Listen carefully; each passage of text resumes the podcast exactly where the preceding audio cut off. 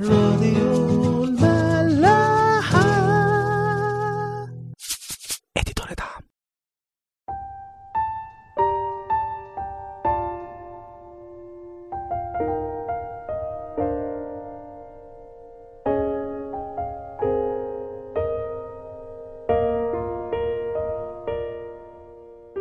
مساء الخير واهلا بيكم في حلقة جديدة من عيش وملح. خلصنا آخر مرة للصح السادس من سفر ملوك تاني. واللي حكالنا عن حصار الاراميين للسامرة واللي بيتسبب في مجاعة رهيبة لدرجة إن آه، في واحدة ست جت للملك بتشتكي له بإيه بقى؟ إنها اتفقت مع جارتها إن هما يسلقوا ابنها وياكلوه في يوم واليوم اللي بعديه ياكلوا ابن التانية. وفعلا بيعملوا كده في أول يوم بس في تاني يوم الأم التانية بتتراجع وبترفض إن هما ياكلوا ابنها. قصة رهيبة طبعا.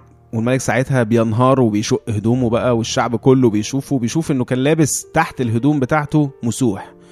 المسوح دي ساعتها المفروض إنها بتبقى علامة على التقشف أو الاتضاع قدام ربنا هو ما عندوش حاجة تانية يعملها يعني.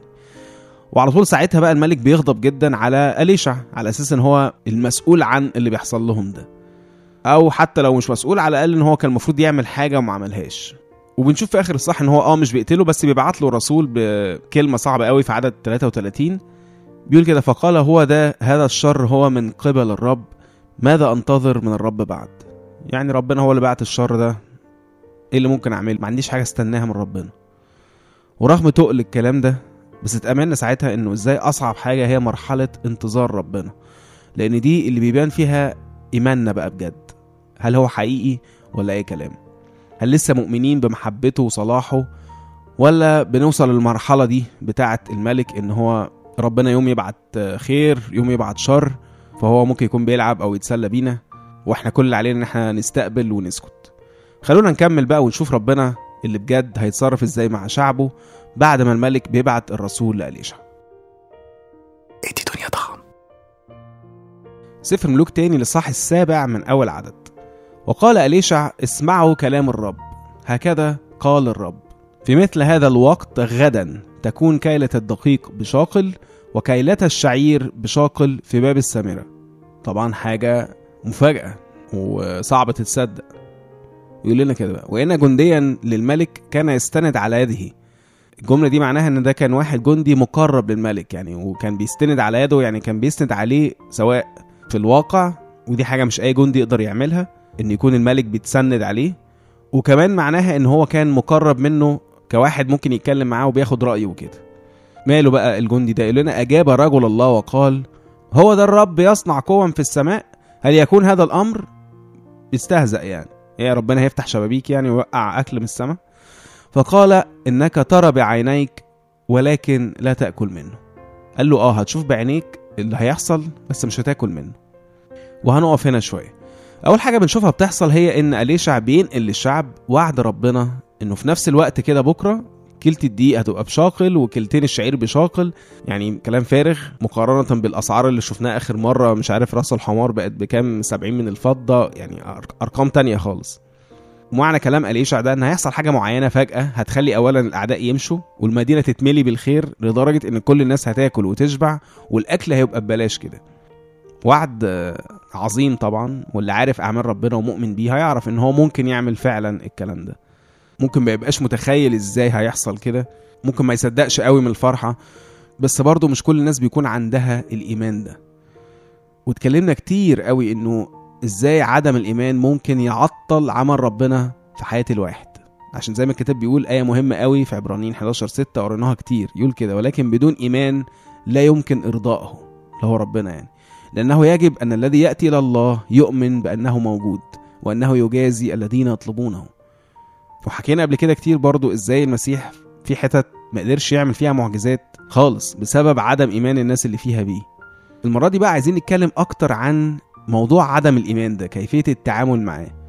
يعني كان في قصة قريناها قريب برضو في مرقس تسعة الأب اللي راح لتلاميذ يسوع عشان يشفوا ابنه من روح شرير كان عليه. ولما ما عرفوش يخرجوه راح للمسيح نفسه وقال له يعني لو تقدر تعمل له حاجة يا ريت تعملها. بس المسيح ساعتها رد عليه وقال له لأ. لو انت تقدر تآمن أي حاجة مستطاعة للمؤمن. فساعتها الأب ده بيلاحظ بقى إن هو إزاي كان وصل إنه فقد إيمانه فعلا. وقال له ساعتها بقى وهو بيعيط أنا مآمن بس أعن عدم إيماني إن أنا فعلا إيماني اتهز أو وقع.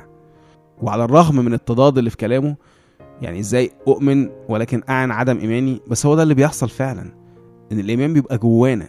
بس بنيجي في المواقف نكتشف بقى إن هو مش موجود. وده اللي حصل كتير كمان مع التلاميذ. وياما المسيح هزقهم وقال لهم يا قليل الإيمان كذا كذا كذا.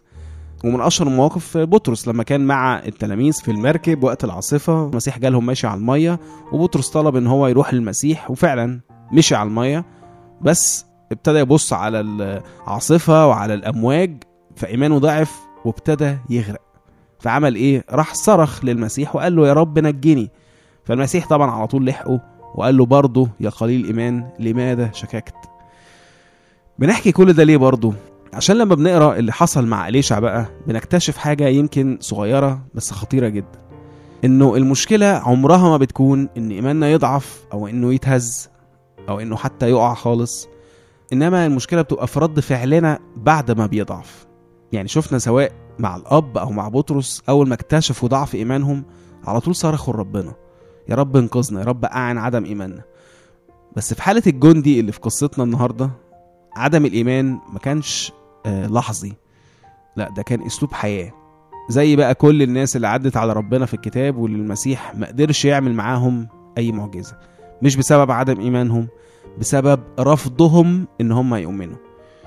لو تخيلنا إن في اتنين مرضى عندهم مرض مميت الاتنين شكلهم زي بعض. بس واحد فيهم اختار إنه يروح للدكتور والتاني ما عندوش أي أمل ورافض أي دكاترة. فالأول اتشفى وعاش سعيد والتاني مات في مرضه وفي حزنه. وده اللي بيحصل مع أي حد بيرفض إنه يروح لربنا. إن هو يتواضع قدامه ويطلب منه إنه يقوي إيمانه. يقرر إن هو يعتمد على دماغه وعلى دراعه لأن دول اللي هو ضامنهم. إنما الإيمان لا ده تهيؤات. ده بتاع الناس الغلابة أو اللي عايزين يصبروا روحهم بأي أمل. إنما الواقع غير كده. في ناس عايشة كده. وده اللي قاله الجندي الحكيم في نظر نفسه ده. بعد كلام أليشا. قال آه تمام ربنا هيفتح قوة في السماء وهيرمي علينا الأكل. والمشكلة كمان بقى ساعتها مش بس إن هو كان ضعيف بينه وبين نفسه. لا ده مقتنع بالضعف ده وشايفه قوة. وبيبشر بالقوة دي. قوة في البصيرة قوة في استيعاب الواقع قوة في مواجهة المشاكل بالشكل ده. هو شايف كده. وعايز ينقل القوة دي أو البصيرة دي لكل الناس اللي حواليه. لأنه قال كده قدام كل الناس. ومش بس كده ده كان مقرب كمان من الملك. فأكيد كلامه ده أثر على الملك وعلى كتير من اللي سمعوه. فمن وجهة نظره هو كان بيفوقهم. مش عايزهم يتعلقوا بكلام فارغ. عشان ما يحبطوش بعد كده. عشان هيجي لهم بكرة يقول لهم شفتوا؟ مش أنا قلت لكم. أنا كنت عارف إن ده كلام فارغ بتاع دجالين. هي دي وجهة نظره. بس من وجهة نظر ربنا أكيد إن هو ما كانش بيفوقهم لأ بالعكس ده كان بيعسر الناس وبيعسرهم فيه لأنه الكلام ده بتاعه مش بتاع أليشع. وأليشع أكد الكلام ده في أول كلامه. اسمعوا كلام الرب هكذا قال الرب. وأليشع ده برضه مش جاي من الشارع ده راجل بتاع ربنا ومعروف وحصل كذا موقف يثبتوا إن أليشع هو الراجل بتاع ربنا. فمش بيقول كلام من عنده إنما من عند ربنا. وربنا مش بيقول كلام فارغ. وعشان كده رد أليشع عليه كان لازم يبقى في نفس الوضوح والقوة دي. فقال له لا بكرة أنت هتشوف بس هتشوف بس مش هتاكل منه. وده اللي هنشوفه بعد كده فعلا. هل بقى اتقال له كده عشان إيمانه كان ضعيف أو معدوم؟ لا طبعا. إنما عشان رفض عمل ربنا. وأعصر الناس الكتير اللي عايزة تصدق في كلام ربنا. وأولهم الملك بتاعه اللي لسه شاق هدومه بسبب مجاعة المدينة بتاعته. ومين عارف غالبا لولا رد فعل أليشع عليه بالوضوح ده كانت شوية ناس صدقته وشكت في أليشع وحصل بقى انشقاق في البلد. وده برضو اللي ياما أكدنا عليه إن مهما كانت أحكام ربنا تبدو لينا تقيلة بس هي في الحقيقة بالمقاس بالميزان كده. والسبب واحد دايما الخلاص. لأن عصرة الجندي ده كانت ممكن تشد معاها ناس كتير لولا صرامة أليشع معاه. وعشان كده المسيح حذرنا كتير قوي من إننا نعسر أي حد. في متى 18 أعداد 6 و7 يقول كده ومن أعثر أحد هؤلاء الصغار المؤمنين بي؟ بيأكد يعني إن الصغار مش صغار في السن لأ صغار في الإيمان. فاللي يعسرهم ده يقول لنا إيه؟ فخير له أن يعلق في عنقه حجر الرحى ويغرق في لجة البحر. ويل للعالم من العثرات. فلا بد أن تأتي العثرات. العثرات هتيجي كده كده. ولكن ويل لذلك الإنسان الذي به تأتي العثر اغلط زي ما تغلط بس توقع أخوك كمان؟ لا. أنا بقى هقف لك. ويا ريت كالعادة زي ما بنقول كتير قوي في عيش وملح إن إحنا لما نسمع الكلام ده ما نبتديش نفكر في ناس تانية. ممكن تكون بتعمل كده. ولو حصل إن إحنا فكرنا في حد فعلا نفكر بدافع الحب إن إحنا عايزين فعلا نحذره من حاجة زي كده. بس الأهم من كل ده إن إحنا نفكر في نفسنا. نبص لنفسنا إمتى ممكن نوصل لمرحلة إن إحنا نفقد إيماننا. ومش بس إن إحنا نفقد إيماننا لا إن إحنا ننقل عدم الإيمان ده للناس اللي حوالينا فنعسرهم. مش غلط إننا يبقى لنا وجهة نظر ونفكر ونحلل وما نمشيش ورا القطيع وخلاص. بس افتكر بقى في وسط كل ده إننا صغيرين قوي. وعلينا ضغوط كبيرة جدا مش ممكن هنقدر عليها لوحدنا. في أفسس 6 12 بولس يقول كده فإن مصارعتنا ليست مع دم ولحم بل مع الرؤساء مع السلاطين مع ولاة العالم على ظلمة هذا الدهر مع أجناد الشر الروحية في السماويات. فبيقول لنا الموضوع من الأول كده مش سهل ما ينفعش نواجهه بدماغنا وبدراعنا مش هنقدر. ربنا هو الوحيد اللي هيعرف يدينا خلاص ونصرة على العالم دي. أما دماغنا والمنطق هيوصل في الآخر إن هو يفصلنا عن ربنا. لأن الإيمان أصلا معتمد إننا نصدق اللي مش متشاف.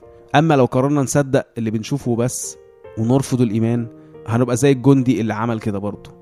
يمكن هنشوف المعجزة بس مش هندوقها أمثال 3 5 في آية حلوة قوي سليمان بيقول كده توكل على الرب بكل قلبك وعلى فهمك لا تعتمد.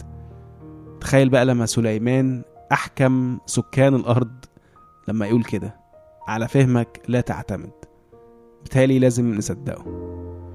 نشوفكم الحلقة الجاية.